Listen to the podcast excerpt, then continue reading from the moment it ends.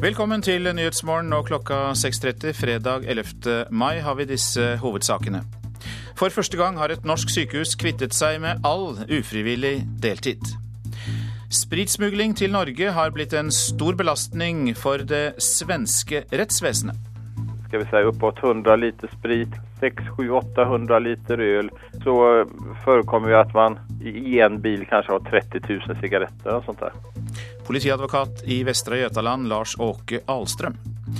Forsvarssjefen vil gjøre kontoret til Gunnar Sønsteby om til hedersplass for de som har mottatt Krigskorset. Og vi skal også høre om vandrespillet som skal knytte sammen Lillehammer by og Maihaugen museum. Et historisk opptog for å markere Anders Sandviks 150-årsdag. Anders Sandvik er den viktigste borgeren i Lillehammer og Gudbrandsdalen noensinne. Han fikk satt hele regionen på kartet med det fantastiske arbeidet han gjorde her. Produsenten for vandrespillet Ole Gunnar Nagelseth. Her i studio i dag, Øystein Heggen.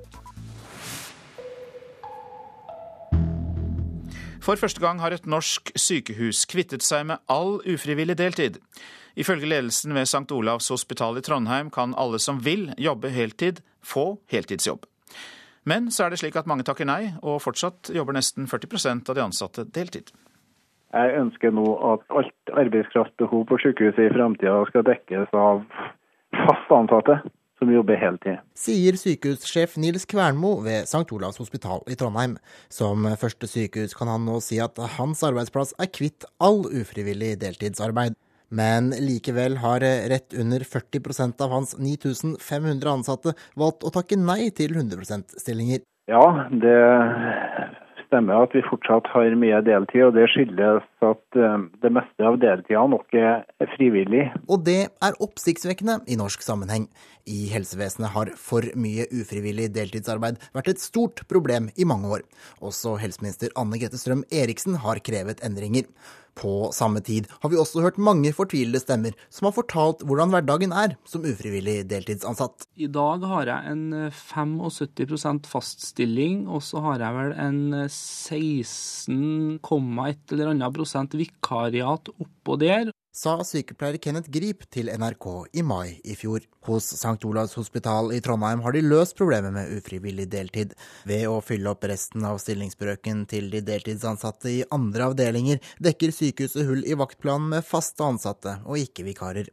Men dette er et tilbud dagens deltidsansatte ikke vil ha, og det overrasker hovedtillitsvalgt Sigmund Eidem i Fagforbundet. Jeg er storligen forundra over at ansatte faktisk velger å fortsette å jobbe deltid når de får tilbud om et, en heltidsansettelse. Og grunnen er tilbudet sykehuset selv kommer med, mener Eidem. De vil ha heltid, men de vil ha det på den arbeidsplassen de går i daglig. De vil ikke jobbe på flere arbeidsplasser. Selvfølgelig så, så skjønner jeg jo at folk helst vil jobbe innenfor én avdeling, og at man føler seg tryggest der. Men vi har jo hele tida forutsatt at uh, folk skal læres opp så at de føler seg trygge i, i alle situasjoner. Det sa Sigmund Eidem i Fagforbundet. Reporter Kent Amar Eriksen, Katrin Hellesnes og Håvard Grønli bidro også til å lage dette innslaget. Spritsmugling til Norge har blitt en stor belastning for det svenske rettsvesenet. Bare i Uddevalla pågrep politiet sju polakker med smuglervarer i løpet av én uke. Politiadvokat i Vestre Jøtaland, Lars Åke Alstrøm, sier økningen er merkbar. Det har blitt en mye reell økning. For tingsretten er det jo økende antall dommer. Men for åklageriet og polisen er det jo naturligvis økte beslag og økte flere utredninger og sånn. Polakker på vei til Norge vinkes inn på E6 sør for Strømstad. Ofte er bilene fylt til randen. Ofte er det skal vi si, oppåt 100 liter sprit, 600-800 liter øl. Men så, og så forekommer jo at man i en bil kanskje har 30 000 sigaretter og sånt der. Men altså, det er tilrekkelig mye for at det ikke skal kunne ses som personlig bruk. Alle sier de er på vei til Norge. Nå har de i stedet blitt en belastning for tingsretten i Uddevalla, sier lagmann Sverker til. Ja, det er klart at det er en økt, økt arbeidsbelastning. Vi har flere rettssaker på gang. Over 20 polakker er stilt for retten bare siden jul, og flere rettssaker er på gang. Tell sier de ennå ikke har måttet utsette andre saker. Hittil har vi klart av det, men det vet vi ikke om det fortsetter om det, om det kommer klare seg innom barnlige ramer. Så hvis dette fortsetter, så tror du at dere er nødt til å utsette andre saker? Ja, som, eftersom de ofte er gripne, altså anholdne og hektede under utredningstiden og fram til tingsrätten dömer så kan det ha ju betydelse för den övriga verksamheten. De senaste fyra månaderna har vi 15 eh, stora beslag av alkohol som er på vei fra Polen til Norge. 15 store beslag på fire måneder, forteller politimester Niklas Hallgren. Og det er bare på strekningen Uddevalla til Strømstad. Politiet har ikke hatt flere aksjoner enn før, og kan ikke forklare økningen på noe annet vis enn pris. Og Om man da tittar at innkjøpe alkoholen i f.eks. Polen, som er aktuelt her, så blir det jo tjener man kanskje ti ganger mot innkjøpsverdet. og det, Da blir det jo lukrativt å, å transportere og smugle spriten. Reporter her Åse Marit Befring.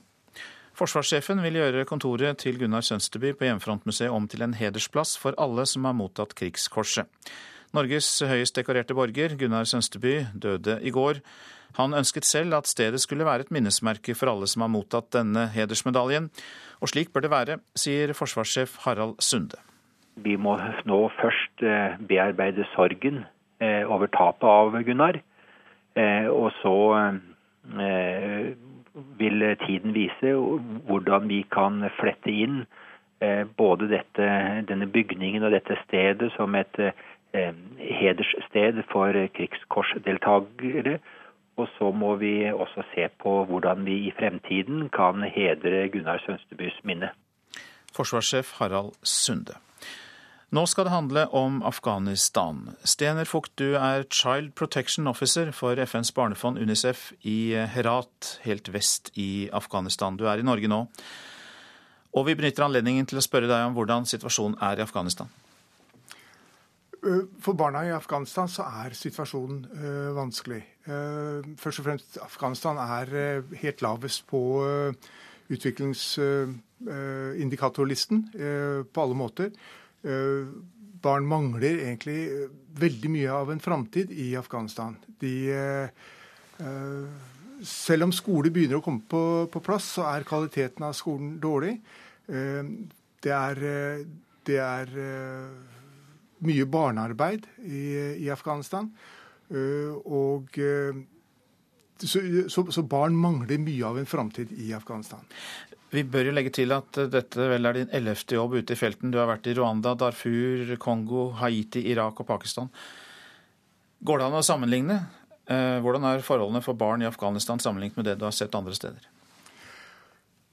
Så, ja, eh, det er vanskelig å sammenligne. Eh, fordi eh, det, det, blir så Problemene er forskjellige i alle, i alle, områder. Men altså, mye av jobben min som Child Protection Officer er det å bygge opp de sosiale beskyttelsesstrukturene i, rundt barna for å beskytte dem i samfunnet. Jeg jobber med lokalsamfunnene for å gjøre det. I Afghanistan, pga. situasjonen der med den pågående konflikten, usikkerheten av hva som skjer nå som det militære engasjementet blir borte, eh, gjør at det er veldig vanskelig å bygge opp de sosiale eh, eh, protection-strukturene, beskyttelsesstrukturene, sånn at, at barn blir i en, barn er i en situasjon hvor de er dårlig beskyttet, og vi, vi, får ikke, vi, vi, får ikke, samfunnet med oss i forhold til det. Fordi det, folk er usikre på, på framtida si. Hva er det viktigste konkrete prosjektet du tar fatt i når du drar tilbake igjen? En, en, av de viktigste tingene er at vi, vi mangler eh, et system for å spore opp familier for barn som har blitt separert fra foreldrene. Eh, vi har barn som blir eh, deportert tilbake fra Iran, som er største utfordringen vår nå, uten, uten foreldre. Eh, vi er nødt til å finne familiene til de barna, sånn at de kan bli beskyttet der. Vi har barn som pga. flom, diverse naturkatastrofer i Afghanistan blir skilt fra foreldrene. Vi er nødt til å greie oss å finne tilbake til foreldrene der. Vi mangler et, et godt familieoppsporingsprogram. Eh, det er en av de tingene jeg har gjort andre steder, og det er det jeg eh, prøver å få, få gjort her. Da sier jeg lykke til eh, videre i arbeidet for FNs barnefond, Stener Fugt. Takk for at du kom til Nyhetsmorgen. Så skal vi se på avisenes forsider her i Nyhetsmorgen. Gunnar Sønsteby er på forsiden av flere aviser. Et stort bilde av krigshelten utgjør VGs forside, kun med årene 1918 til 2012 og ordene 'Takk for alt, Kjakan'. Krigshelt og fredselsker, skriver Aftenposten. Vi har mistet en klar stemme og et viktig korrektiv, et unikt menneske. Gunnar Sønsteby var en storhet uten fakter, skriver politisk redaktør Harald Stanghelle.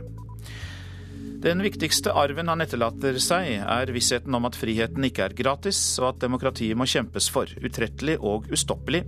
Det skriver Dagsavisens kulturredaktør Mode Steinkjer. Slik var hans utrolige liv, står det på forsiden av Dagbladet. At Gunnar Sønsteby er borte, er nærmest naturstridig, skriver Arnfinn Moland, lederen av Norsk Heimefrontsmuseum.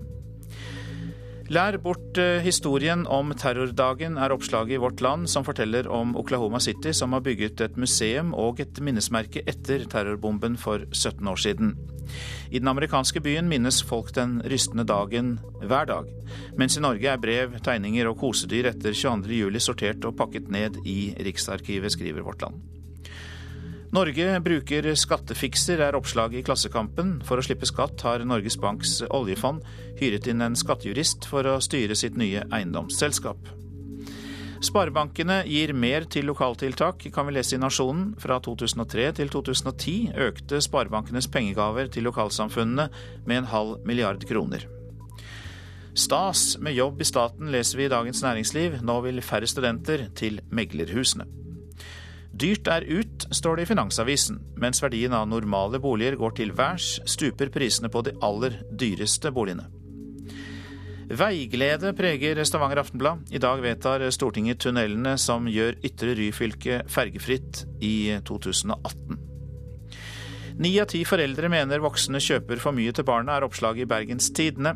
Foreldre blir ofre for kjøpepress, sier forsker. Skallen sprakk i fotballduell, skriver Adresseavisen. Fem år etter at Magnus Kolberg fikk skade under en annendivisjonskamp, lekker det fremdeles spinalvæske fra et brudd på hodeskallen. 32-åringen fra Trondheim er bekymret over at Rosenborgs Markus Henriksen og andre fotballspillere pådrar seg så mange hodeskader.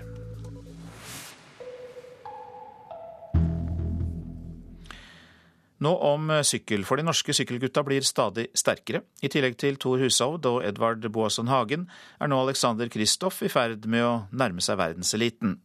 Etter flere sterke etapper i Giro d'Italia har han tatt et steg opp, sier Olympiatoppens sykkelekspert Atle Kvolsvold. Jo, det er utrolig bra. Han tar, tar et kraftig steg opp. da, og har jo nå prestert på, på, toppnivå og blitt uh, stabil. og Da ser vi jo at uh, han kjører med mye mer sjøltillit. Jeg har blitt bedre på det meste, egentlig. Jeg har blitt sterkere i bakker og bedre i spurtene. En andreplass i lagtempoen for to dager siden, en sjetteplass i spurten i går. Alexander Kristoff nærmer seg en etappeseier i prestisjefylte Giro d'Italia. Veldig positivt og, og viktig at det, det, han er fortsatt en unggutt, at de ungguttene kommer opp på et høyt nivå mens Thor fortsatt er der. Er han allerede nå i ferd med å kunne utfordre Thor som Norges beste spurter? Jeg tror jeg må kjøre dem duell, da, mann mot mann. Men det spørs hvilken type spurt det er. Alexander han ønsker å utvikle seg som en ren spurter på mer lette spurter. Ja, det, det, er helt avhengig av hvordan spurten er, egentlig. Thor liker kanskje litt tyngre spurter og, og, er god på litt oppoverbakkespurter og litt sånn. Men for min del så kan det gjerne være ganske høy fart, men jeg begynte å bli bedre over på og litt tyngre sporter, så jeg har utvikla meg litt på det området. Denne sesongen satser Hushovd og Boasson Hagen på etappeseier i Tour de France, på OL i London og VM-medalje. Neste sesong har Kristoff som mål å ta opp kampen med de to i Tour de France. Ja, jeg håper jo å få kjøre Tour de France, og det er jo et mål i seg selv å få være med der. Så jeg håper kanskje at jeg kan utgi med Tour de France neste år. Det er ikke noen umulighet, det. Innslaget var laget av Vibeke Unnhjem og Mats Håby. Du lytter til Nyhetsmorgen, og klokka den drar seg mot 6.45. Dette er hovedsakene. For første gang har et norsk sykehus kvittet seg med all ufrivillig deltid. St. Olavs hospital i Trondheim tilbyr alle som vil ha, en heltidsjobb. Forsvarssjefen vil gjøre kontoret til Gunnar Sønsteby om til hedersplass for de som har mottatt Krigskorset. Behovet for hjelp til barn i Afghanistan er større enn noen gang, sa Stener Fugt her i Nyhetsmorgen nettopp. Han arbeider for FNs barnefond i Afghanistan.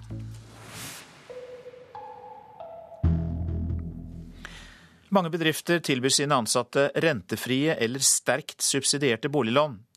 Laveste rente er nå nede i 1,25% Milliarder av slike subsidierte lånekroner pøses inn i boligmarkedet i Stavanger. Vi er jo i en region der det er stor konkurranse om arbeidskraft. Og vi ser jo det at det i konkurranse med oljenæringen, som tilbyr andre lønnsvilkår enn det vi kan gjøre i bank, så har det en stor effekt. Ingrid Furø Kjøpp er kommunikasjonsdirektør i Sandnes Sparebank, en bedrift der gjennomsnittsalderen er lav. Fra slutten av juni kan banken tilby ansatte boliglån til 1,75% rente. Bankens 200 ansatte har lånt til sammen 410 millioner kroner til subsidiert rente. Betingelsene er alfa og omega i et marked med skyhøye boligpriser. Vi ser det at det samla eller totalt utlånte ansatte har jo økt de siste åra. Og det gjenspeiler jo to ting. Det sier litt om hva snittalder det er på de som jobber hos oss. Samtidig så sier det noe om boligprisutviklingen. Vi har nettopp gjennomført en medarbeiderundersøkelse. Der sier 63% av våre ansatte at det er svært viktig som en del av lønna. Unge som kommer inn og begynner hos oss, som vektlegger at det er gunstige betingelser knytta til boligfinansiering. Så ja, definitivt det har sin verdi. Tor Christian Haugland er kommunikasjonsdirektør i Sparebank1 SR-Bank. 1,25% rente betaler de over 900 bankansatte i regionen i dag på sitt boliglån i banken. Totalt har de lånt 2,1 milliard kroner, nok til å fullfinansiere mellom 400 og 500 boliger i Stavanger. Vi bruker ikke bare lønnen som et eh, kriterium i forhold til konkurransen om de beste hodene, men vi syr sammen en pakke, en totalpakke til de ansatte, der boligfinansiering, altså gunstige betingelser for boligfinansiering, er òg en del av det. Det legger ikke en demper på prisveksten, gjør det? Nei, men hvis det hadde vært sånn at det var en uh, utømmelig krukke uh, i forhold til den enkelte ansatte i forhold til å låne penger til gunstige betingelser, så kan jeg jo skjønne spørsmålet. Men her er det jo klare begrensninger i forhold til hvor mye den enkelte ansatte kan låne til den type betingelser. Men bankene er ikke alene om å tilby sine ansatte svært gunstige lånevilkår i boligmarkedet. Stadig flere får tilbud om billige lån fra arbeidsgiver, Oljebransjen er lite overraskende ikke noe unntak. ConocoPhillips gir nyansatte tilflyttere 30% tillegg i lønn i ett år til bolig. I Eni får ansatte sterkt subsidierte boliglån. Det samme gjør ansatte i GDF Suez og Total. I Shell får nyutdannet ansatte subsidierte boliglån. Andre har gode låneavtaler med bankene.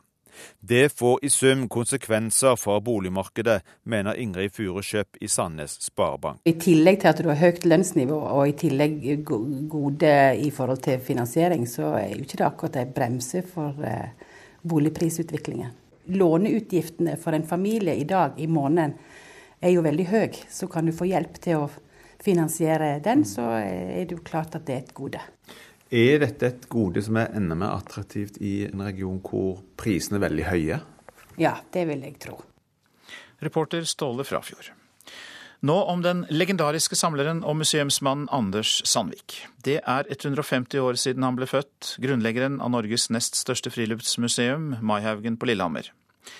Et vandreteater skal markere dette i byens gater i ettermiddag, der Nils Ole Oftebro spiller Anders Sandvik. Noen samler har jeg vel egentlig aldri vært, bortsett fra på gamle sokker og underbukser, påstår min kone når hun leter i skapet og sier du må lære deg å rydde. Stortorget i Lillehammer. Nils Ole Oftebro i Sandvik Flossat og regissør Morten Jostad forbereder Vandreteatret, som i ettermiddag skal slynge seg gjennom gatene fra jernbanestasjonen opp til Maihaugen. Skal bli ferdig nå i løpet av uh, sommeren. Men så har vi Storseten igjen. Den har vi ikke innkjøpt. Anders Sandvik er den viktigste borgeren i Lillehammer og Gudbrandsdalen noensinne. Han fikk satt hele regionen på kartet med det fantastiske arbeidet han gjorde her. Sier Ole Gunnar Nagelseth ved Maihaugen, produsent for kveldens forestilling. Det var en tid hvor så mye ble revet, og de fleste av stavkirkene våre f.eks. Det var noe gammelt rask som ikke, eh, ikke, var bra nok fordi det var for lite og det ikke ga plass til folk. I dag er Maihaugen på Lillehammer Norges største museum utenfor Oslo, med 200 bygninger. Muligens det flotteste folkemuseet vi har i Norge. Både pga. samlinger og fordi at Sandvik klarte å plassere det så flott i terrenget oppå der. Forestillinga starter i Lillehammer sentrum, og underveis kan folk slutte seg til opptoget og bli med den nesten to og en halv times lange turen det tar å spille stykket opp til Maihaugen. Det er den mest uh, typiske seter jeg har funnet her i Gudbrandsdalen. Stykket viser historien om Anders Sandviks liv, men også om det konfliktfylte forholdet mellom byen og de sandvikske samlinger. Ganske anstrengt i en periode hvor man ikke helt skjønte hva dette her prosjektet hans var, og, og motstand mot at byen skulle bruke penger på dette kjøpet. Men hva pokken skal man gjøre med sånne folk som uten videre kommer her og de vil se det og se det? Og jeg har slett ikke noe moro av å vise frem et halvferdig arbeid. Jeg traff akkurat en av statistene, hun er 71 år. Og hun fortalte at hun husket han fra hun var liten, for hun var ni år da han døde. Så hun kunne huske at når de møtte han, så ble de helt sånn starstruck, sånn som han i dag blir hvis Brad Pitt hadde kommet gående liksom tilfeldigvis ned Lillehammers gater. Og de neiet pent, og da tok han altså hatten sin sånn flott, og så sa han eh, god dag, små piker. Og da hadde han alltid sånn lite glimt, så de kjente de frøs litt ned ryggraden og syntes at dette hadde vært en stor dag. Ja, Han kan få sagt det. Nils Ole Oftebro, som spiller Anders Sandvik på Lillehammer i dag, i morgen og søndag. Reporter Stein S. Eide. Trygve Nordby, du er styreformann for Maihaugen. Velkommen. Takk for det. Jeg syns jeg hørte energien i denne mannens stemme også i dette arkivopptaket. Ja, det er helt fantastisk.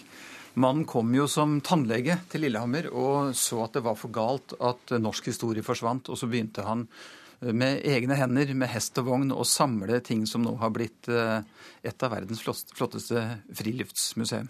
Hvorfor havna du på Lillehammer? Han havna der pga. helsa si. Han uh, hadde tenkt å gjøre seg ei tannlegekarriere nedover på kontinentet, han. Men så ble han tilrådd å komme seg opp i frisk luft og godt innlandsklima. Så det, det var helt tilfeldig. Så han var jo en som kom utenbygdsfra og slo seg ned. Så søken etter god helse kan føre til så mangt, Trygve Nordby. Ja, du skal vel dit og eh, delta i ettermiddag? Ja, så absolutt. Det er stor fest, det er vandrespill og det er festforestilling. Og vi åpner en ny utstilling, og det er bok, og hele byen står klar til å feire Anders Sandvik. Hvis du tillater, så er jeg litt nysgjerrig på deg òg, for du er tidligere generalsekretær i Norges Røde Kors og har vært direktør for Utlendingsdirektoratet. Så hva brakte deg til kulturens verden om Maihaugen? Genuin kulturinteresse. Så når jeg ble spurt eh, av departementet om å bli styreleder, så var jo det bare en, en, en stor ære og, og, glede. Og det har vært fantastisk morsomt. Vi hørte om konflikten mellom byen og de sandvikske samlinger. Eh, hvordan er forholdet i dag? Dette her er jo ved siden av OL. Dette er jo Lillehammers og Gudbrandsdalens stolthet. Eh, det er vel ingen som du møter på Lillehammer som ikke enten er døpt eller konfirmert eller gift på Maihaugen. Eh, vi har Norges største venneforening. 2500 mennesker som frivillige med i venneforeningen og gjør en formidabel eh, innsats for samlingene. Du har jo bodd her i Oslo og jobbet her i Oslo også. Er vi som er hovedstadsmennesker ikke tilstrekkelig oppmerksom på Maihaugen? Ja, Det er jo litt av vår eh, utfordring. Det er så mange tilbud nå for tida. Eh, så vi prøver jo nå å bruke alle nye måter, altså alle medier, Facebook og Twitter og alt som eh, skal til, for å holde kunnskapene og bevisstheten om at det fins et fantastisk museum på Lillehammer, også for, for, resten av Norge. Og vi har bra besøk både fra utlandet og, og hele landet, men ønsker oss alltid flere. Han dro rundt med hest og vogn og samlet uh, sine ting til Maihaugen, og nå presenteres han også på Facebook. Mange takk skal du ha for at du kom i studio, Trygve Nordby. Takk skal du ha. Styreformann for Maihaugen. Ja, hvilken maidag er det nå? Nå er det 11. mai, og vi skal snakke om været i dag. Langfjella. Snø, regn under ca. 1200 meter. I ettermiddag stiv kuling utsatte steder i Langfjella. I kveld sterk kuling og enkelte snøbyger. Så fjellet i Sør-Norge unntatt Langfjella. Snø av og til, regn under 1200 meter. I kveld stiv kuling utsatte steder og snøbyger. Så var det Østlandet. Perioder med regn. I ettermiddag stiv sørvest kuling på kysten. I kveld nordvest liten kuling utsatte steder og regnbyger i kveld. Telemark og Agder. Litt regn av og til. Fra i ettermiddag øker det til stiv kuling på kysten. I kveld nordvestlig liten kuling utsatte steder, men liten storm vest for Lindesnes. Enkelte regnbyger. Så tar vi Rogaland og Hordaland samlet. Perioder med regn der. Fra i ettermiddag nordvestlig sterk kuling og til dels liten storm. I kveld snø i høyden. Sogn og Fjordane ved Stad stiv kuling, fra i ettermiddag nordlig stiv og til dels sterk kuling på kysten for øvrig. Regn og i kveld snø i høyden.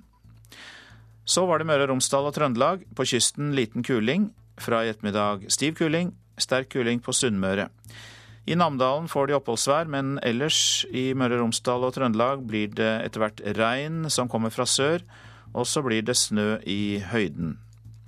Nordland utpå dagen liten kuling på kysten. Fra seint i ettermiddag stiv kuling på Helgeland, stort sett oppholdsvær. Troms enkelte regn- eller sluddbyger, mest i ytre strøk.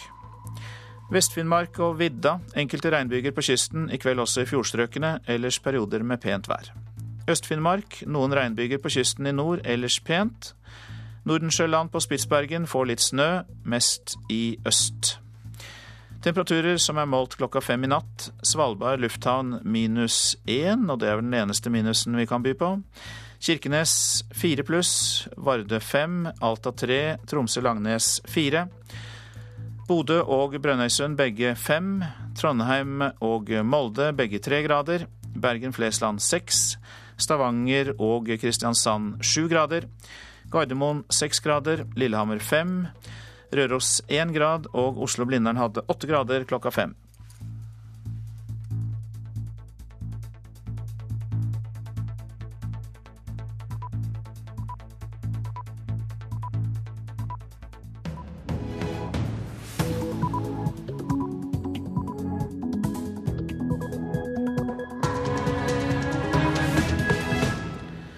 Klokka har passert sju, og det lytter til P2s Nyhetsmorgen. Her er Øystein Heggen i studio i dag. Vi har en nyhetsoppdatering. 41-åring døde fordi helsevesenet overså kreft. Nå får de etterlatte erstatning. Her kunne skaden, som i dette tilfellet var et dødsfall, vært unngått med bedre og tettere oppfølging av pasienten. Øydis Kastberg i Norsk pasientskadeerstatning. For første gang har et norsk sykehus kvittet seg med all ufrivillig deltid. St. Olavs hospital i Trondheim tilbyr alle som vil ha, en heltidsjobb, men mange vil ikke ha den. Jeg er storlig forundra over at eh, ansatte faktisk velger å fortsette å jobbe deltid når de får tilbud om et, eh, en heltidsansettelse. Hovedtillitsvalgt Sigmund Eidem i Fagforbundet. Forsvarssjefen vil gjøre kontoret til Gunnar Sønsteby om til hedersplass for de som har mottatt Krigskorset. Spritsmugling til Norge har blitt en stor belastning for det svenske rettsvesenet. Det har blitt en mye reell økning. For tingsretten er det jo økt antall dommer. Men for åklageriet og polisen er det jo naturligvis økt beslag og økt flere utredninger og sånn. Det sier Lars Åke Alstrøm, politiadvokat i Vestra Götaland. Og i eh, USA har myndighetene godkjent et legemiddel som gir beskyttelse mot hiv-smitte.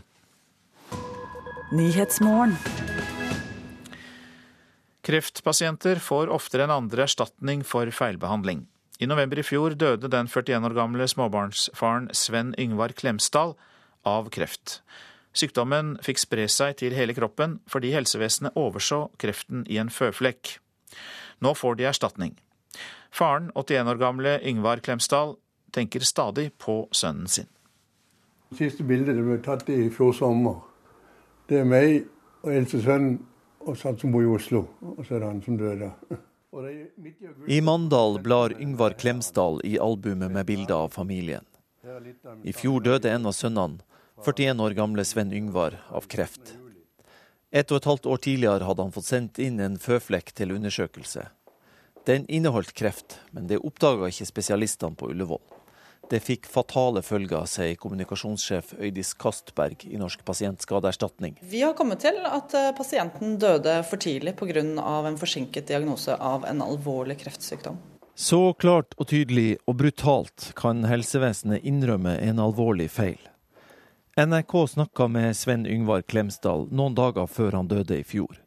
Det var ikke sånn han hadde sett det for seg. Jeg har barn, jeg, har, jeg er ung. Jeg, jeg, jeg er jo hele livet foran meg. Men den 15. november var det prest Dag Iversen som fikk oppgaven med å bisette han fra Sagene kirke i Oslo. Vi er samlet her for å ta avskjed med Sven Yngvar Klemstad. Sammen vil vi overgi ham. Jeg ser nå på det brevet som kom inn på mailen i dag. I Mandal tenker den 81 år gamle faren stadig på sønnen sin. Han hadde god jobb og gode vennekretser. Han likte livet godt. Yngvar Klemsdal setter pris på at de etterlatte får erstatning, sjøl om det ikke gir han sønnen tilbake. I beste valgene kan du si at det er et lite plaster på såret for, for familien og sønnen. At noen har påtatt seg ansvaret? Ja. Nå har 81 år gamle Yngvar Klemsdal sjøl fått påvist kreft. Han er blitt operert i halsen. Prøvene viser at han fortsatt har kreft en plass i kroppen. Foreløpig finner ikke legene ut hvor det er, så snart skal han til nye undersøkelser. Sjøl så jeg jeg regner med at det, det er ikke så mange år du har igjen. og da er 81 nå, så Det som jeg erger meg, at, det- at den gale rekkefølgen Sønnen min skulle ha levd videre, og jeg skulle få lov til å dø. Sånn føler jeg det. Feil diagnose og dårlig oppfølging av prøvesvar er den viktigste grunnen til at kreftpasienter eller etterlatte får erstatning, sier Øydis Kastberg i Norsk pasientskadeerstatning. Det er viktig at eh, helsetjenesten ser på disse sakene, for her er det et forbedringspotensial. Her kunne eh, skaden, som i dette tilfellet var et dødsfall, vært unngått med bedre og tettere oppfølging av pasienten. Og dette innslaget var laget av Kjartan Røslett og eh, Mariann Albrektsen. Andreas Stensvold, du er styreleder i Kreftlegenes forening, Norsk eh, onkologisk forening. og ja, Hvordan kan det da skje at kreft ikke blir oppdaget? I dette tilfellet kjenner jeg ikke helt eh, bakgrunnen, men jeg, så vidt jeg forstår ut fra reportasjen, så har det vært en feil hos patologene, de som sitter og ser i mikroskop. Og På en måte så er det menneskelig å gjøre feil. Vi doktorer gjør feil hele tiden, men vi har systemer for å fange opp de feilene. Utfordringen er at eh, eh, vi har nå hjelpemidler på IT-løsningssiden som er så elendige, så eh, ofte får vi ikke fanget opp de feilene vi gjør. Eh, og det er en utfordring. Eh, vi i vår forening og i andre foreninger i Legeforeningen har vært veldig opptatt av IT-løsninger. Vi må få mye bedre, på plass mye bedre IT-løsninger for å unngå feil. Så dette sikkerhetsnettet, det er først og fremst eh, IT-løsninger. Hvordan, hvordan kan det sikre at man unngår feil, eller oppdager feil? Ja, eh, Sånn som det er nå på mange sykehus, så har man ikke noe gode IT-løsninger. Jeg får ikke beskjed når svaret har kommet, hvis jeg har rekvirert en, en blodprøve eller patologisvar. Jeg må hele tiden gå inn sjøl og sjekke opp de pasientene jeg har hatt. Kanskje jeg har hatt 100 stykker de siste, den siste måneden. Og da må jeg ha det eh, For meg sjøl har jeg håndskrevne lapper, og det må vi gå bort ifra. For det er da man kan og, øh, gjøre feil. Det kan hende at jeg blir syk. Jeg ble borte en periode, og det må fanges opp. Eh, en annen ting er også i, i effektiviseringen. Vi vet at det blir flere og flere undersøkelser, og mer og mer kompliserte undersøkelser. Særlig innen patologi. Eh, som et eksempel kan vi si for fem-seks år siden så ble det operert 50-60 prostatakreftpasienter i Oslo-regionen. I dag opereres det 500. Og det er knapt økt ressurser i forhold til patologien. Så de som så på de 50 undersøkelsene, må klare i dag å se på 500 undersøkelser. Men er det snakk om at det er for få leger, eller er det fortsatt slik at det er eh, virkemidlene rundt og det redningsnettet og IT-systemene som først og fremst mangler? Det er begge deler. I, vi har noen flaskehalser i helsevesenet, og særlig i forhold til kreft. Det er spesialister, særlig innen patologi, en del innen røntgen og kreftleger, og en del innen kirurgiske spesialiteter. Men så har man lagt om systemet fra å ha mer sekretærer, som hjalp oss tidligere, til å bruke IT-løsninger. Og disse IT-løsningene er ikke på plass i dag. Utfordringen er også at man har forskjellige IT-løsninger for hvert sykehus. Ofte så man kan ikke kommunisere mellom f.eks. Trondheim, Oslo, Trondheim, Bergen, og det er en utfordring. Vi har spilt inn flere ganger nå til myndighetene at nå må vi få et felles datasystem, et felles IT-løsning for alle pasientene, for å sikre dette. Eh, Utfordringen også er i dag bruker vi brev, vi bruker Posten. Og man vet hvor usikker Posten kan være. Det kan ta en uke, det kan ta ting kan forsvinne underveis. Eh, Hvis man har gode IT-løsninger, så kunne man faktisk Da får man sendt det med en gang. Og så kan man få en kvitteringsordning, så man kan se ja, Andreas Stensvold har ikke gjort jobben sin. Han har ikke gått inn og kvittert de og så og så mange undersøkelser han har mottatt. eller Det var en klar og tydelig utfordring til eh, myndighetene og de som har ansvaret. Andreas Stensvold, mange takk for at du kom hit, styreleder i Kreftlegenes eh, forening. Takk skal du ha. Eivind Rindal fra Trondheim tok kommando på båten Reiulf, som fraktet tolv ungdommer vekk fra Utøya 22.07. i fjor. I dag ser han fram til å vitne mot Anders Behring Breivik i Oslo tingrett. Jeg tenker jo at det blir på et sett og vis også godt å få gjort det. Og bli ferdig med den biten av det. Da skytinga starta på Utøya, gjemte Rindal seg i skogen. Senere fikk han med seg flere ungdommer som var i sjokk ned til brygga og om bord i båten Reiulf. Så tok han kommandoen over båten. Jeg tror det er også viktig å få fram de historiene, selv om ingen ble alvorlig fysisk skadet eller ble drept om bord i Reiulf, eller i nærheten av der jeg befant meg når jeg var der, så er det også viktig å få fram den historien. Og han ønsket jo å ta livet av oss. Det var jo derfor han skjøt etter oss. Reiulf sank på landsida etter massakren, men ble senere heva og undersøkt av politiet. I forrige uke vitna politioverbetjent Gøran Dyvesveen om skuddskadene på båten. Dette blir altså akterenden, og her er det registrert seks treff innenfor et område på 45 ganger 60 cm. Rindal fikk ikke med seg gjennomgangen av skuddskadene på Reiulf. Han har tidvis vært innom rettslokalene i Trondheim, men konsentrerer seg om studier og ulike verv. I dag vil han konfrontere Breivik. Jeg har tidligere uttrykt, og det står jeg for, at jeg ønsker å konfrontere gjerningsmannen med hva han har utsatt meg for, og fortelle han den historien, uavhengig av om han lar det gå innover seg eller ikke. Og Rindal ønsker en reaksjon fra Breivik på vitnemålet velkommen. Om ikke et kompliment, så ville det i det minste være en slags form for eh, tydelig tegn på at han er til stede mentalt i retten, hvis han eh, på et eller annet vis responderer på det eh, jeg kommer med.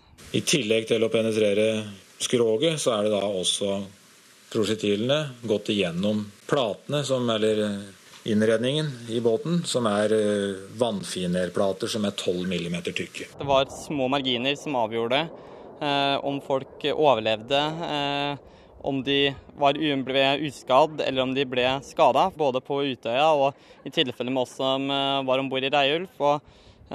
Vi var heldige. Hvor mye av livet til Eivind Rindal vil handle om Utøya etter at vitneforklaringa er ferdig? Hva som skjer etterpå, det vet, tør jeg ikke spå, men jeg, for å si det sånn, selv om jeg legger ett kapittel bak meg med vitnemålet, så kommer jeg nok ikke til å være ferdig med 22.07. Og jeg tror heller ikke jeg kommer til å være ferdig med de spørsmålene og utfordringene som ligger i høyreekstrem ideologi og tankene rundt det. Det sa Eivind Rindal til reporter Elisabeth Skarrud. Terrorsaken mot Anders Behring Breivik fortsetter i dag i Oslo tingrett. Denne uka har retten gjennomgått obduksjonsrapporter, og de første vitnene har forklart seg om det som skjedde på Utøya. Ole Eivind Henden, du kommenterer rettssaken for oss i NRK. Hvordan har denne uka vært? Hvordan har du opplevd den? Nei, det har vært ei, ei veldig spesiell uke. Eh, helt unik i, i norsk rettshistorie. En altså gjennomgår disse obduksjonsrapportene dag etter dag etter dag. Og kombinert med minneorda som kommer etter hver obduksjonsrapport, eh, da eh, gjerne en også hører hulking, gråt fra de pårørende i salen, så, så, gjør det noe med en når en sitter og følger dette over flere dager. Flere som har vært i retten, har opplevd å bli tristere og tristere av å høre denne gjennomgangen og disse utslettelige inntrykkene. Og, og, og obduksjonsrapportene, selvfølgelig. Opplever du det også slik? Det er jo noe med volumet. Det er noe med at dette aldri tar slutt. Én eh, ting er å høre en dag, men det er noe annet når dette pågår over ei uke. Uh, og en ser på en måte hvordan det som har skjedd, har ødelagt familie etter familie etter familie, og liv etter liv etter liv er blåst ut, så får en en annen følelse når det er gått noen dager, enn det det er den første dagen. Og På den måten så kan jeg si at det er, blir tyngre for alle som er til stede i den retten etter hvert som dagene har gått, så lenge som vi har nå hatt gjennomgangen av obduksjonsrapporter og disse, disse minneordene. Det viser hvor mange flotte ungdommer som ble tatt vekk, og det er først nå vi får virkelig det inn. Det forstår vi. Denne uka så har vi hørt da de første vitnemål fra de som var på Utøya. Er det noen som har gjort spesielle inntrykk på deg? Det generelle bildet er jo at det er utrolig hva disse ungdommene, eh, disse unge voksne ute på den øya har klart å, å, å stå i når, når, det smeller rundt dem, når folk springer i panikk og noen tar ansvar. Eh, de vi har hørt, har jo vært folk som har tatt vare på hverandre, som har klart å, å eh, tenke relativt rasjonelt i, i situasjonen. Det vitnemålet som gjorde sterkest inntrykk på meg, var eh, Janne Hovland som på det tidspunktet var 16 år, som klarte å eh, forbinde en gutt som var skutt i begge beina, før hun gikk videre. Fant ei jente som var skutt i, i hovedet, men som, som, overlevde. Og fikk henne med seg inn i et uh, telt. Og der gikk Breivik like på utsida, og hun sa til til eh, denne jenta som lå og var skutt i hodet, at ikke lag lyd, men, men, skriv med fingeren din i sanden, så jeg ser at du er, du er med. Eh, det er utrolig å høre slike historier, og hva slags mot og vurdering av situasjonen som, som denne 17-åringen, eller, eller, på det tidspunktet 16-åringen, klarte å gjøre i en slik ekstrem situasjon. Mange takk for at du kom hit, Ole Eivind Henden, vår kommentator eh, knyttet til denne rettssaken i eh, Oslo tinghus. Du lytter til Nyhetsmorgen, og klokka går mot eh, kvart over sju. Dette er hovedsaker. De etterlatte får erstatning etter at en 41-åring døde fordi helsevesenet overså kreft.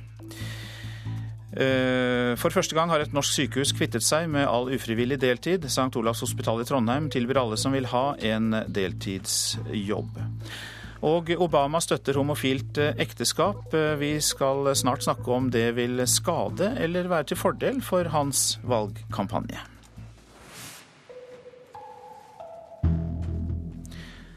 For eh, Obama går offentlig ut i den amerikanske homofilidebatten og mener at homofile skal få inngå ekteskap. Og nå er denne debatten i full gang. Var dette klokt av Obama, eller vil han tape? We should be celebrating their willingness to show such courage and selflessness on behalf of their fellow citizens, especially when we're fighting two wars. For tusenvis av Obama-velgere tok han første gangen et oppgjør i homofilidebatten i USA i 2010. Han gjorde slutt på Don't Ask, Don't Tell-politikken som hindrer homofile å tjene i det amerikanske forsvaret. Nå har han tatt et nytt oppgjør. It is important for me to go ahead and affirm that uh, I think same-sex couples should be able to get married. Det er viktig for meg å understreke at jeg mener homofile bør få inngå ekteskap, sier han. Men meningene rundt et slikt utspill er mange. Det er de som frykter han vil tape en hel presidentperiode på det, og det er de som tror det var et klokt utspill, og rent politisk.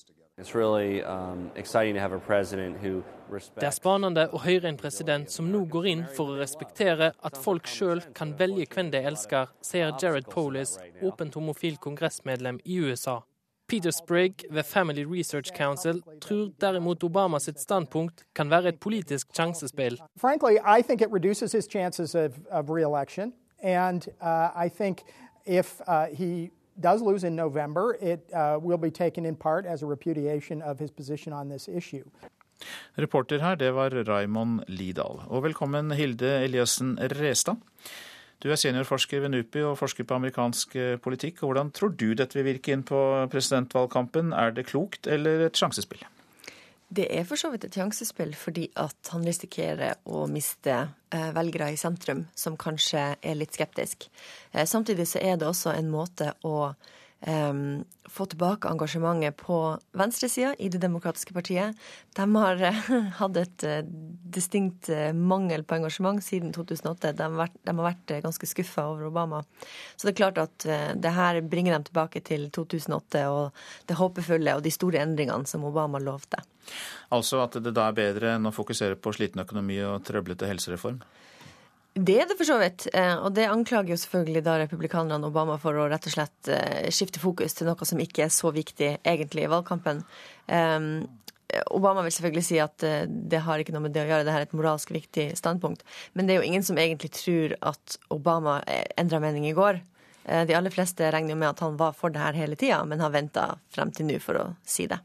Nå har han jo støtte fra mange svarte velgere, folk med bakgrunn fra latinamerikanske land. Hvordan reagerer de gruppene på at han støtter homofile ekteskap? De eh, gruppene er jo eh, generelt mer sosialt konservative enn Obama sine hvite velgere på venstresida. Og det er jo også Særlig de latinamerikanske velgerne er en gruppe som republikanerne sosialt sett burde klare å få tak i. Men det som ofte stopper dem i å stemme på republikanerne, er jo deres veldig strenge linje når det kommer til innvandring og immigrasjon. Mitt Romney, hans sannsynlige motstander, har forsikret at han ikke støtter homofile ekteskap. Så hva vil han oppnå nå, tror du? Han har jo hatt veldig store problemer med å eh, sikre sin eh, ytre høyrebase, i velgerbase. Så det er klart at det her vil da krystallisere de sosiale motsetningene mellom de to kandidatene. Sånn sett så har det jo den effekten av at begge yttersidene i politikken vil nå bli mer engasjert. I kveld er pengeinnsamlingene i gang. Det koster 40 000 dollar å delta på den stjernespekkede støttemiddagen for Obama hos George Clooney. Og så er fire plasser loddet ut til helt vanlige mennesker. Jeg leste at det var et helt vanlig ektepar ansatt i offentlig sektor. Er Obama fortsatt pengemagneten? Nei, eh, det har gått mye tregere å finne penger eh, nå i 2012.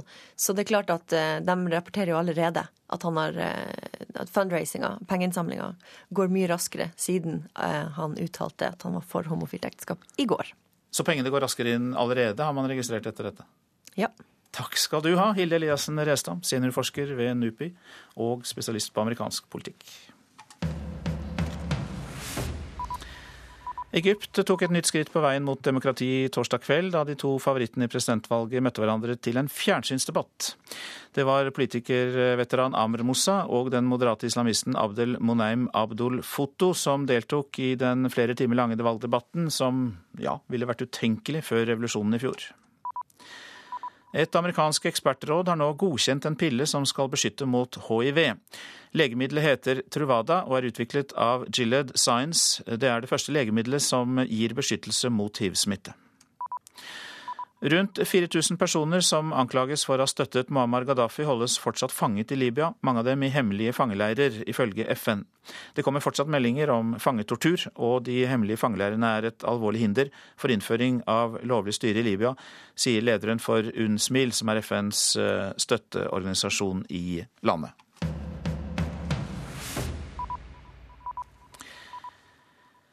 I et eh, hemmeligstemplet eh, dokument som NRK har fått tilgang til, advarer Luftforsvarets eh, ledelse mot fast treningsaktivitet med jagerfly på en framskutt base i Evenes.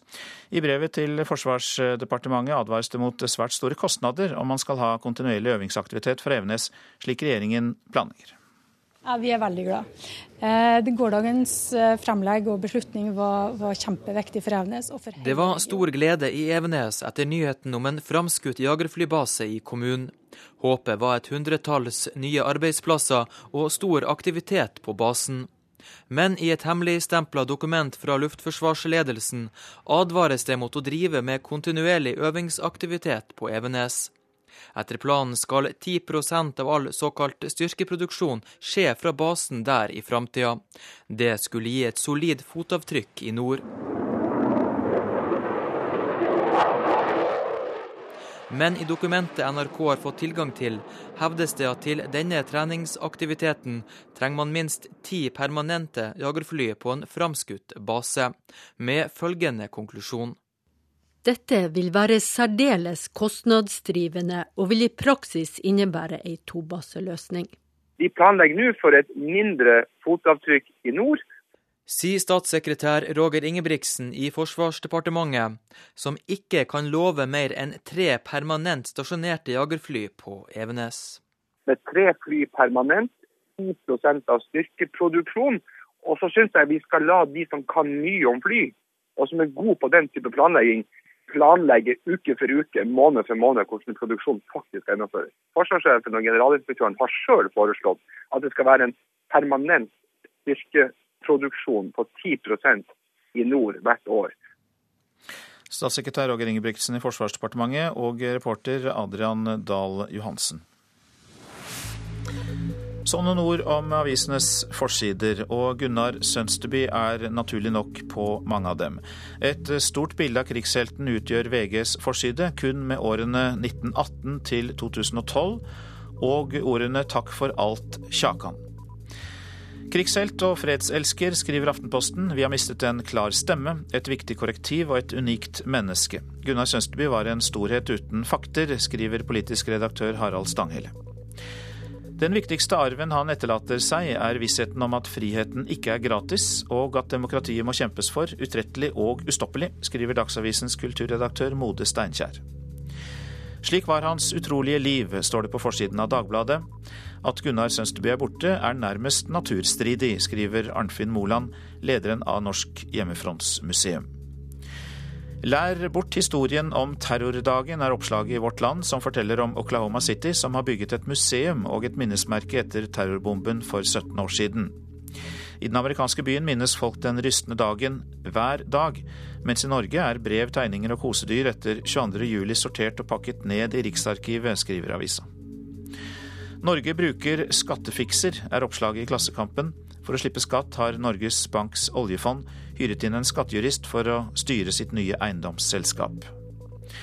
Sparebankene gir mer til lokaltiltak, kan vi lese i Nasjonen. Fra 2003 til 2010 økte sparebankenes pengegaver til lokalsamfunnene med en halv milliard kroner. Stas med jobb i staten, leser vi i Dagens Næringsliv. Nå vil færre studenter til meglerhusene. Dyrt er ut, står det i Finansavisen. Mens verdien av normale boliger går til værs, stuper prisene på de aller dyreste boligene. Veiglede preger Stavanger Aftenblads forside. I dag vedtar Stortinget tunnelene som gjør Ytre Ryfylke fergefritt i år 2018. Ni av ti foreldre mener voksne kjøper for mye til barna, er oppslaget i Bergens Tidende. Foreldre blir ofre for kjøpepress, sier forsker. Skallen sprakk i fotballduell, skriver Adresseavisen. Fem år etter at Magnus Kolberg fikk skade under en annendivisjonskamp, lekker det fremdeles spinalvæske fra et brudd på hodeskallen. 32-åringen fra Trondheim er bekymret over at Rosenborgs Markus Henriksen og andre fotballspillere pådrar seg hodeskader.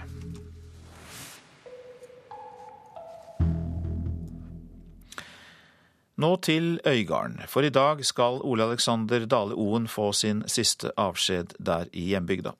Det er ventet 300 gjester i kirken, og en egen hall med 1500 stoler er gjort klar for de som ikke får plass i Blomvåg kirke. Hele samfunnet har bidratt i planleggingen, for i bygda er, for bygda er forteller kirkevergen.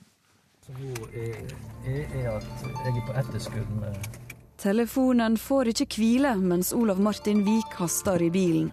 Alt må gå som smurt. Det må ikke være noen avvik. Dette skal være verdig og skikkelig, samtidig som folk skal føle seg ivaretatt når de kommer til Øygarden. Hele bygda har heia på Alexander Dale Oen. Nå skal de ta en siste avskjed. Det skal kirkeverjen sørge for. På mange måter så er det òg bearbeiding av sorg for meg.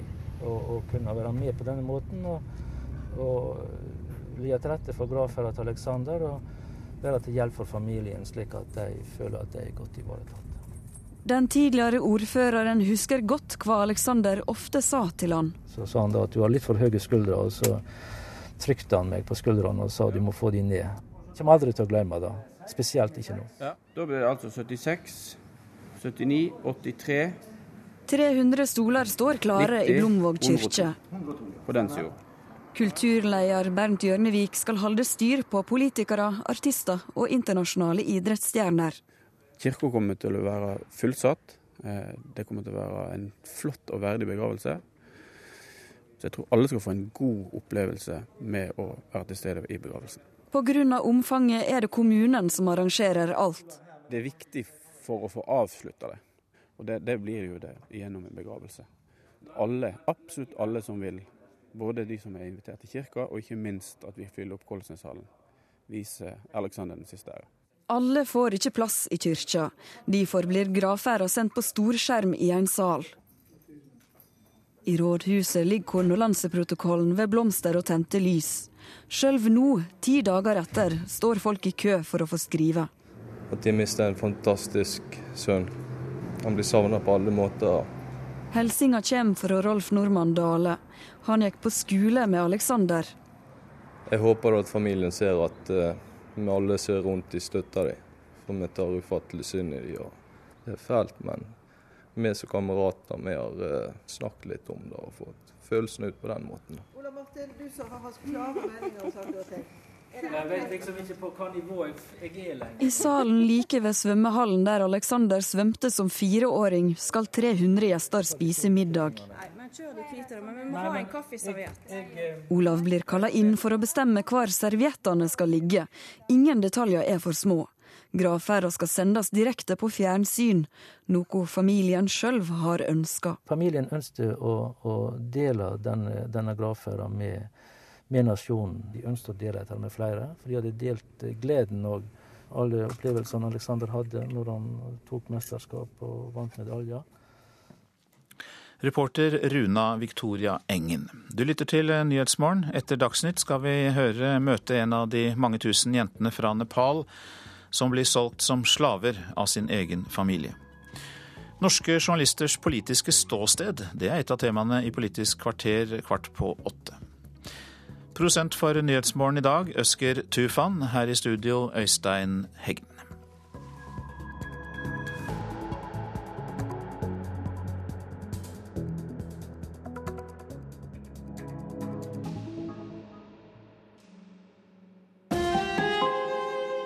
Hør ekko.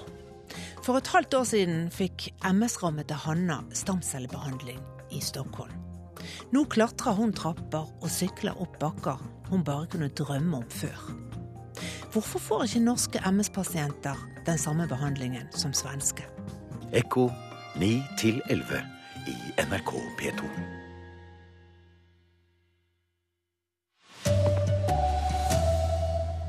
En 41-åring døde fordi helsevesenet overså kreft. Nå får de etterlatte erstatning. Forsvarssjefen vil omgjøre Gunnar Sønstebys kontor til et minnested for krigsveteraner. Eivind Rindal overlevde skytingen på Utøya. I dag vil han konfrontere massedrapsmannen. God morgen, her er NRK Dagsnytt klokka 7.30. Kreftpasienter får oftere enn andre erstatning for feilbehandling i helsevesenet. I november i fjor døde den 41 år gamle småbarnsfaren Sven Yngvar Klemsdal av kreft, som helsevesenet hadde oversett. Nå får de etterlatte erstatning.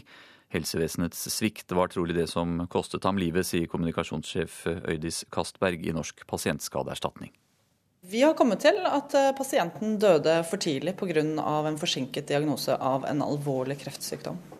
Så klart og tydelig og brutalt kan helsevesenet innrømme en alvorlig feil. NRK snakka med Sven Yngvar Klemsdal noen dager før han døde i fjor. Det var ikke sånn han hadde sett det for seg. Jeg har barn, jeg, har, jeg er ung. Jeg, jeg er jo hele livet foran meg. Men den 15. november var det prest Dag Iversen som fikk oppgaven med å bisette han fra Sagene kirke i Oslo. Vi er samlet her for å ta avskjed med Sven Yngvar Klemstad. Sammen vil vi overgi ham livets hender. I Mandal tenker den 81 år gamle faren stadig på sønnen sin. Han hadde god jobb og gode vennekretser. Han likte livet godt. Yngvar Klemsdal sier at erstatninga og innrømmelsen fra helsevesenet er et ørlite plaster på såret, men dødens rekkefølge ble feil, sier han. Sønnen min skulle ha levd videre, og jeg skulle få lov til å dø. Sånn føler jeg det.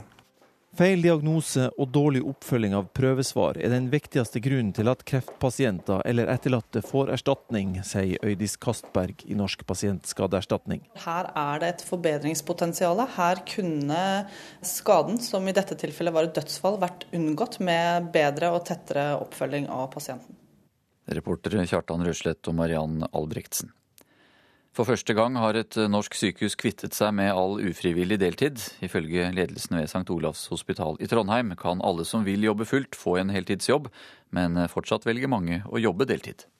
Jeg ønsker nå at alt arbeidskraftbehov på sykehuset i framtida skal dekkes av fast ansatte som jobber heltid. Sier sykehussjef Nils Kvernmo ved St. Olavs hospital i Trondheim. Som første sykehus kan han nå si at hans arbeidsplass er kvitt all ufrivillig deltidsarbeid.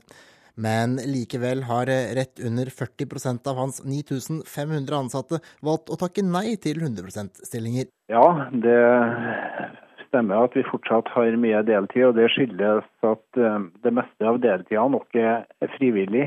Gjennom å opprette et bemanningssenter ved sykehuset kan de i deltidsjobb få 100 %-stillinger ved å fylle resten av stillingsbrøkene ved andre avdelinger. Dermed dekker sykehuset hull i vaktplanene med faste ansatte og ikke vikarer. Men dette er noe mange av dagens deltidsansatte ikke vil ha. Det overrasker hovedtillitsvalgt Sigmund Eidem fra Fagforbundet. Jeg er storligen forundra over at uh ansatte faktisk velger å fortsette å jobbe deltid når de får tilbud om et, eh, en heltidsansettelse. Det de sier da, at eh, de eh, vil ha heltid, men de vil ha det på den arbeidsplassen de går i daglig. De vil ikke jobbe på flere arbeidsplasser. Reporter er Kent Amar Eriksen. En pille mot hiv-smitte ble i går godkjent av et amerikansk ekspertråd. Ekspertene har stor tro på pillen, som kan være et gjennombrudd i kampen mot aids. I, I, think this is a huge milestone. I think that we are in an era now for the first time when we can foresee the end of the AIDS epidemic. Dette er en milepæl. Jeg tror for første gang vi kan øyne slutten på aids-epidemien, sier den amerikanske forskeren Robert Grant. En pille ved navn Truvada kan bli det viktigste våpenet i kampen mot en epidemi som til nå har tatt livet av over 300 millioner mennesker. Aids er ikke lenger en dødsdom, sier hiv-positive Scott Owens, som bruker Truvada som behandling mot sykdommen. Han håper at pillen nå også kan bidra til at andre unngår å havne i samme situasjon som han. Uh, higher, Våre studier viser at én pille Truvada om dagen reduserer sjansen for å bli smittet med mer enn 90% sier dr. Robert Grant, som håper og tror seieren er nær i kampen mot aids. Reporter Nina Bull Jørgensen. Forsvarssjefen vil slå sammen Hjemmefrontmuseet og kontoret til avdøde Gunnar Sønsteby, og gjøre det til en hedersplass for alle som har mottatt Krigskorset. Sønsteby ønsket selv at stedet skulle være et minnested for alle som har mottatt hedersmedaljen, og det bør det også være, sier forsvarssjef Harald Sunde. Vi må nå først eh, bearbeide sorgen eh, over tapet av Gunnar. Eh, og så vil tiden vise hvordan vi kan flette inn både dette, denne bygningen og dette stedet som et hederssted for krigskorsdeltakere. Og så må vi også se på hvordan vi i fremtiden kan hedre Gunnar Sønstebys minne. Gunnar Sønsteby døde i går, 94 år gammel. 23 år gamle Eivind Rindal skal i Oslo tingrett i dag forklare seg om flukten med båten Reiulf fra Utøya i fjor. Rindal er opptatt av å få fram hvor små marginene var for hvem som ble drept og hvem som slapp unna i sin forklaring. Han frykter ikke nærheten til drapsmannen i rettssalen. Jeg tenker jo at det blir eh, på et sett og vis også eh, godt å få gjort det. Eh, og bli ferdig med den biten av det. Da skytinga starta på Utøya hjem til Rindal seg i skogen. Senere fikk han med seg flere ungdommer som var i sjokk ned til brygga og om bord i båten Reiulf. Så tok han kommandoen over båten. Det var små marginer som avgjorde eh, om folk overlevde. Eh, om de var, ble uskadd eller om de ble skada, både på Utøya og i tilfelle med oss som eh, var om bord i Reiulf. Og vi var heldige. I forrige uke vitna politioverbetjent Gøran Dyvesveen om skuddskadene på båten. Dette blir altså akterenden, og her er det registrert seks treff innenfor et område på 45 ganger 60 cm. Rindal fikk ikke med seg gjennomgangen av skuddskadene på Reiulf. Han har tidvis vært innom rettslokalene i Trondheim, men konsentrerer seg om studier og ulike verv. I dag vil han konfrontere Breivik. Jeg har tidligere uttrykt, og det står jeg for, at jeg ønsker å konfrontere gjerningsmannen med hva han har utsatt meg for, og fortelle han den historien, uavhengig av om han lar det gå innover seg eller ikke. Og Rindal ønsker en reaksjon fra Breivik på vitnemålet velkommen. Om ikke et kompliment, så vil det i det minste være en slags form for eh, Eh, tydelig tegn på at han er til stede mentalt i retten, hvis han eh, på et eller annet vis responderer på det eh, jeg kommer med. Reporter Elisabeth Skarru. I dag skal Alexander Dale Oen få en siste avskjed i Øygarden i Hordaland. Det er ventet 300 gjester i kirken, og en egen hall med 1500 stoler er gjort klar for de som ikke får plass. Hele samfunnet har bidratt i planleggingen, forteller kirkevergen. Altså 28, 77, altså de... Rekker med stoler er pressa sammen for å få plass til 300 gjester i Blomvåg kirke. Kultursjef Bernt Hjørnevik prøver å holde styr på alt sammen. Kirka kommer til å være fullsatt. Eh, det kommer til å være en flott og verdig begravelse. Politikere, artister, venner, familie og internasjonale idrettsstjerner skal få plass. I tillegg er det gjort plass til 1500 sørgende i en hall, der gravferda blir sendt på en stor skjerm. Det er viktig for å få avslutta det, og at alle, absolutt alle som vil, både de som er invitert til kirka, og ikke minst at vi fyller opp Kolsneshallen, viser Aleksander den siste æra. Pga. det massive omfanget er det Øygarden kommune som arrangerer alt. Så godt som alle i kommunen kjente Alexander godt. På rådhuset er det fremdeles kø for å få skrive i kondolanseprotokollen. At de mister en fantastisk sønn. At han, eh, han blir savna på alle måter. Hilsinga kommer fra Rolf Normann Dale. Jeg håper jeg får en plass i kirka. Jeg har ikke lyst til å gå glipp av den siste farvel som kan ta det. Begravelsen blir sendt over hele verden. Ifølge kirkeverget Olav Martin Vik er det slik familien ønsker det. Familien ønsket å, å dele denne, denne gravferda med, med, nasjonen. For de hadde delt gleden og alle opplevelsene Alexander hadde når han tok mesterskap og vant medaljer. Vi gjør det fordi vi likte Alexander. Alle som én i hele kommunen. Reporter i denne saken, det var Runa Victoria Engen. Det er eh, Gro Arneberg som er ansvarlig for Dagsnytt eh, denne morgenen. Arnt Egil Nordlien har ansvaret for teknikken. Jeg heter Anders Borgen Werring.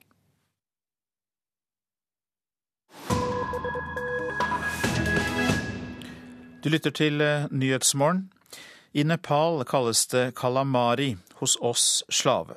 Over 10 000 jenter helt ned i femårsalderen blir solgt som slaver av sin egen familie. Nå skal vi møte en av dem som denne uka var på Oslo Freedom Forum.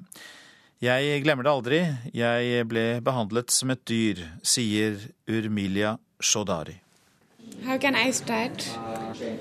Namaste. I'm Urmila Chaudhary. I'm come from Nepal. I'm about six years old. That time my Jeg heter Urmila Shodari. Da jeg var seks år, ble jeg solgt av foreldrene mine. I have no good memory any my childhood. Jeg har ingen gode minner fra barndommen. Fikk aldri leke, gå på skole eller noen andre muligheter. Jenta som sitter på den andre siden av kafébordet, i tykk boblejakke, har et søtt og åpent ansikt. Hun smiler mye, men tårene er heller ikke langt unna når hun forteller om dagene hun tilbrakte som husslave.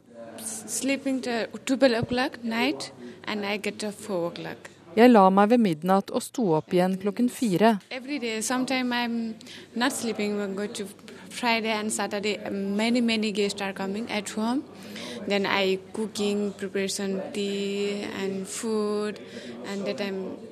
Noen ganger måtte jeg jobbe døgnet rundt med å vaske og lage mat, forteller Shodari. Fysisk hardt arbeid og avstraffelse var ikke det verste. Ydmykelsen opplevde hun som enda verre. Why you look at me? You're not uh, my position. Why you look at me? Hvorfor ser du på meg? Du er ikke en likesinnet, kunne de si. For dem var jeg ikke noe menneske, men et dyr. She treat like uh, for me like I'm an animal. I'm not human.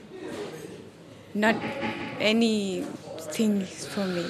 20 dollar fikk foreldrene hennes i betaling. Å selge døtre som slaver er vanlig hos den etniske gruppa taru vest i Nepal. Det blir kalt kamalari. Fattige og landløse bønder selger jenter helt ned i femårsalderen for å overleve. Kamalari, altså slaveri, er stuerent selv hos den politiske eliten i landet. Familien Shodari slavet for, var en slik velstående og velkjent familie i Katmandu. I nesten tolv år levde hun som slave, vil si over halve livet. Urmila Shodari er 22 år i dag og husker godt hvordan hun kom seg vekk fra familien.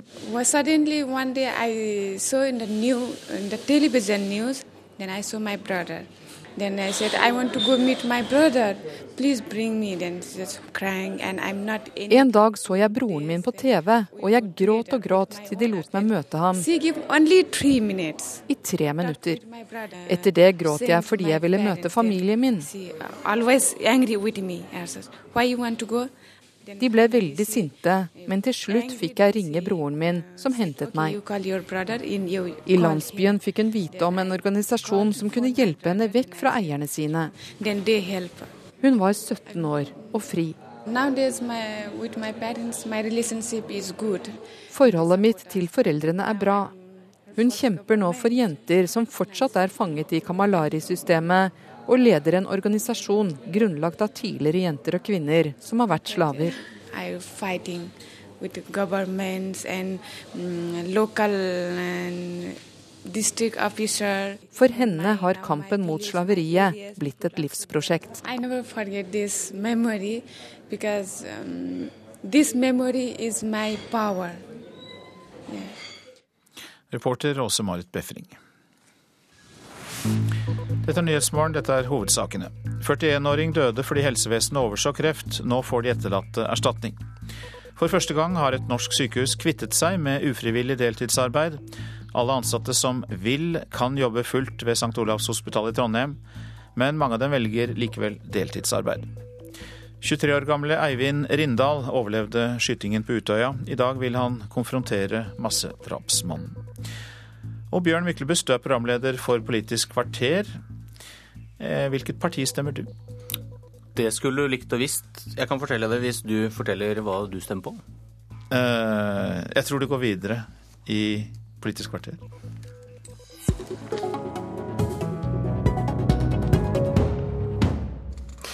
Mimir Kristiansson, politisk journalist i Klassekampen og tidligere Rødt-politiker. Du er kanskje en av få journalister som tør å si hvilken side i politikken du holder med? Jeg tror ikke noen tvil om at jeg er venstreut, i alle fall. Det tror jeg nok eh, er ganske åpenbart. I går la professor Frank Aarebrot fram sin årlige undersøkelse av journalistenes politiske ståsted. Og slik hadde journalistenes storting sett ut. Rødt 13 mandater, SV 23, Arbeiderpartiet 66, Senterpartiet 1, KrF 1, Venstre 24, Høyre 41. Og Øyvind Korsberg, du hadde ikke vært stortingsrepresentant hvis det bare var journalister som hadde stemmerett. Fremskrittspartiet ingen mandater. Ja, det stemmer det ut ifra den undersøkelsen. Og det er vel for så vidt ikke så overraskelse. Det føyer seg vel bare inn i den trenden som har, som har vært over, over mange år. Hadde Frp hatt større oppslutning hvis journalister hadde vært mer lik befolkningen? Det er et vanskelig spørsmål å svare ja og nei på. Det jeg har registrert at media er opptatt av, det er at det er mangfold i media. Både når det gjelder radio, TV og, og avis. Og da syns jeg det er veldig synd at det ikke er det samme mangfoldet når det gjelder eh, journalistene og, og, og deres eh, partipreferanse, for, for, å si det på, på den måten. Men uh, jeg skjønner at det, det, blir sånn, fordi at media er jo oversubsidiert av staten med over 5 milliarder når du tar NRK-lisensen og du tar også pressestøtten. Og da blir det vel litt at man ønsker å forsvare gullkua og ikke nødvendigvis velge seg en journalistisk karriere der man er avhengig av subsidier. Er norske journalister snillere med f.eks. SV enn med Fremskrittspartiet? Ja, det har jo også gått klart frem av undersøkelser som er gjort. Spesielt når det gjelder NRK, så kommer jo Arbeiderpartiet mye billigere unna valgkampsendingen enn f.eks. Fremskrittspartiet. Det er jo dokumentert gjennom ulike undersøkelser. Så det er klart at det, det gjenspeiler jo det produktet som journalistene sender ut til, til folket. Så det, det tror jeg ikke det er noe tvil om. Kristiansson, hadde Frp hatt større oppslutning hvis journalister hadde vært mer lik befolkningen? Nei, det tror jeg ikke. Og det tror jeg rett og slett er fordi at en del av det som gjør at Frp har stor oppslutning, nemlig at de er et parti for folk flest og ikke for kultureliter, deriblant journalister, det eh, ville kanskje blitt ødelagt hvis Frp ble behandla bedre i mediene. Eh, jeg tror at eh, det viktigste vi kan lese ut av disse tallene, er jo at ikke at Altså det er klart at journalister står til venstre for sentrum, men det viktigste er jo at de lavutdanningspartiene, Senterpartiet, KrF og, og Frp, de er helt utradert. Mens partier som Rødt, SV og Venstre som er høyutdanningspartier for den urbane middelklassen, de er godt representert. Sånn at jeg tror vi i større grad har å gjøre med det som man i USA ville kalt liberal media, som Fox News eh, ville ønske å kalle det, enn vi har å gjøre med noe sånn blodrød blodrøde kommunistmedia. Og så bare til det Korsberg sier, så jeg er helt enig i at, at, Frp er det partiet som får hardest merfart i mediene. Jeg må si at det er hyggelig å få snakke med en ekte Frp-er. De møter ikke jeg mange av i min, mine kollegastand. Men samtidig så, så, er det sånn at eh, også SV har fått eh, ekstremt hard medfart i mediene, mens f.eks. Høyre har blitt rosa fullstendig opp i skyene. sånn at det bildet er nok litt mer blanda, og jeg tror vi har en ganske sentrumsorientert journalistene i Norge, men som lener seg på venstre fot, der man er venstre særlig i verdispørsmål, men ikke særlig venstre nødvendigvis i økonomiske spørsmål. Korsberg, liberale media mer enn venstrevridde media, kjøper du den?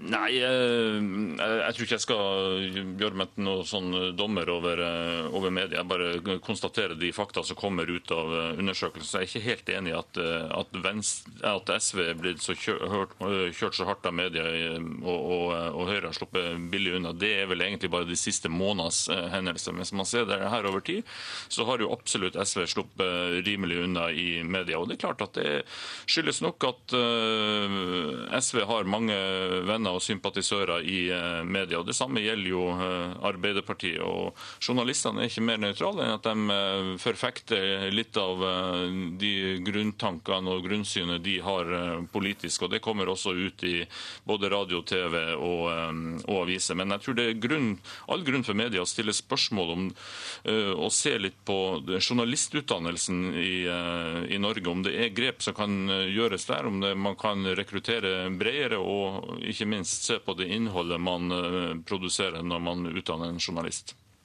Så la meg bare være helt enig med Korsberg at Jeg tror absolutt det har noe å si hva journalister mener. Eh, men jeg tror det er viktig også å se litt bak partivalgene i forhold til hvilke saker det dreier seg om. Jeg syns en sak der journalistene i Norge har vært utrolig partisk, er synet på asylbarna der det har vært eh, total eh, ramaskrik i norske medier for asylbarna. Jeg er jo selvfølgelig enig i det, det er ikke det, men, men det er i utakt med befolkningens standpunkt, der det nok er mye mer 50-50 del. Men, men, men, si et syn ikke... på, men hvis jeg bare kan få bli ferdig, men si en sak som f.eks. vikarbyrådirektivet, så vil man se at fagbevegelsen har fått en mye hardere medfart i mediene enn det som sannsynligvis er til dels i den vanlige befolkningen. Sånn at man ser at i sånne verdispørsmål, da blir mediene veldig opphissa og veldig venstrevridde og veldig aggressive, særlig mot Korsberg og hans parti.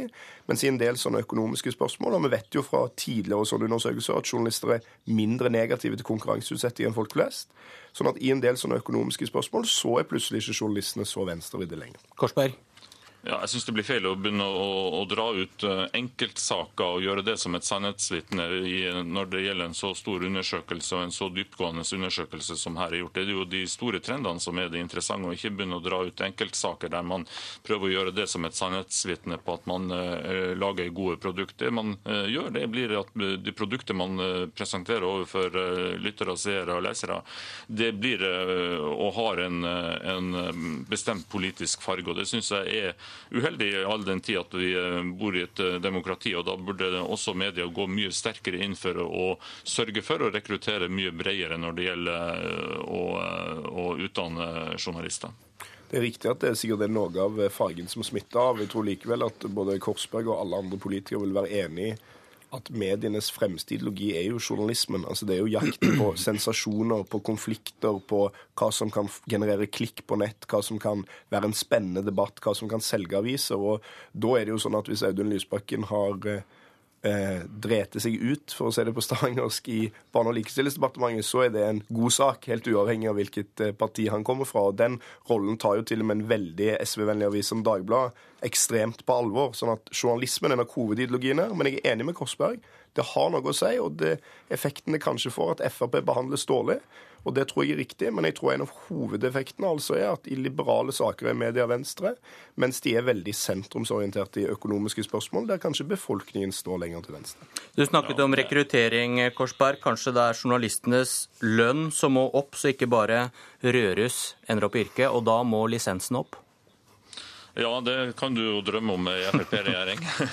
Den kommer nok ikke til å eh, gå opp. Nei, jeg tror det er en eh, stor utfordring at eh, mediebransjen er så subsidiert som, som, den er. og Det vil nok også være med å farge det journalistiske produktet. Så er det jo ikke tvil om, og det er gjort mange undersøkelser, ble jo lagt fram bl.a. under Skop-konferansen, at Fremskrittspartiet er det partiet som får hårets medfart i alle typer saker. og Det er jo ikke en overraskelse for å, for å, si det forsiktig, vi som har eh, jobba med dette partiet i, i mange, mange år.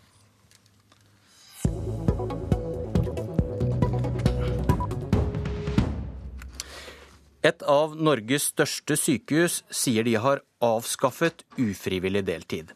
Men det er fremdeles 40% på St. Olavs hospital i Trondheim som jobber deltid, men den er da frivillig. Robert Eriksson fra Fremskrittspartiet, leder av arbeids- og sosialkomiteen på Stortinget. Hvordan mener du dette kan påvirke debatten om deltid? Nei, For det første så tror jeg det kan påvirke debatten i en ny retning. Eh, fordi at, eh, men la meg først få lov til å understreke at det er utrolig viktig å bekjempe ufrivillig deltid. Vi har rundt 50 000 arbeidere i Norge i dag som, som jobber ufrivillig deltid, og som ønsker seg høyere stilling. Det de er det viktig at man imøtekommer og, og lar dem få økt stilling. Men det som er det store utfordringa, det er det at vi i framtida vi trenger mer arbeidskraft. Og arbeidskrafta må økes betydelig framover dersom vi skal klare oss å opprettholde vårt velferdssamfunn. Da er det helt avgjørende at vi klarer å få flere som i dag jobber deltid, altså frivillig deltid også, til å strekke seg til å jobbe mer enn det man gjør i dag. Og vi kjenner også, for Jeg er ikke så veldig overraska over resultatene på St. Olavs. for Når vi kjenner kommunesektoren, så er det to av tre som jobber deltid, så er det frivillig deltid.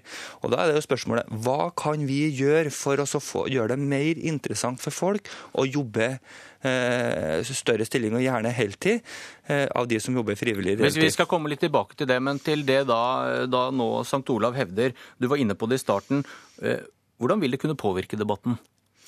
Ja, Det vil kunne påvirke debatten i den forstand at man vil få et økt fokus rettet mot hvordan du skal få folk som i dag jobber frivillig deltid, til å jobbe større stilling. Men er det noen som har skjøvet ufrivillig deltid foran seg i debatten, mener du? Jeg tror nok at ufrivillig deltid har fått en overdimensjonert fokus både fra media og fra oss politikere og fra fagbevegelse. Eh, og så har man kanskje glemt den viktigste debatten, hvordan skal vi klare oss å få til et fleksibelt arbeidsliv. Og Der er jo Sykepleierforbundet totalt låst. Hører man begrepet fleksibelt arbeidsliv, og arbeidstidsbestemmelser og sånne ting, så trykker man på håndbrekket med en gang, i stedet for å finne ut hva kan vi gjøre for å skape større interesse rundt vårt yrke og gjøre det mer enklere og bedre for folk å jobbe jobbe mer i vårt yrke. Vi kan spørre leder i Sykepleierforbundet, Eli Gunhild By. Har du hånda på brekket nå?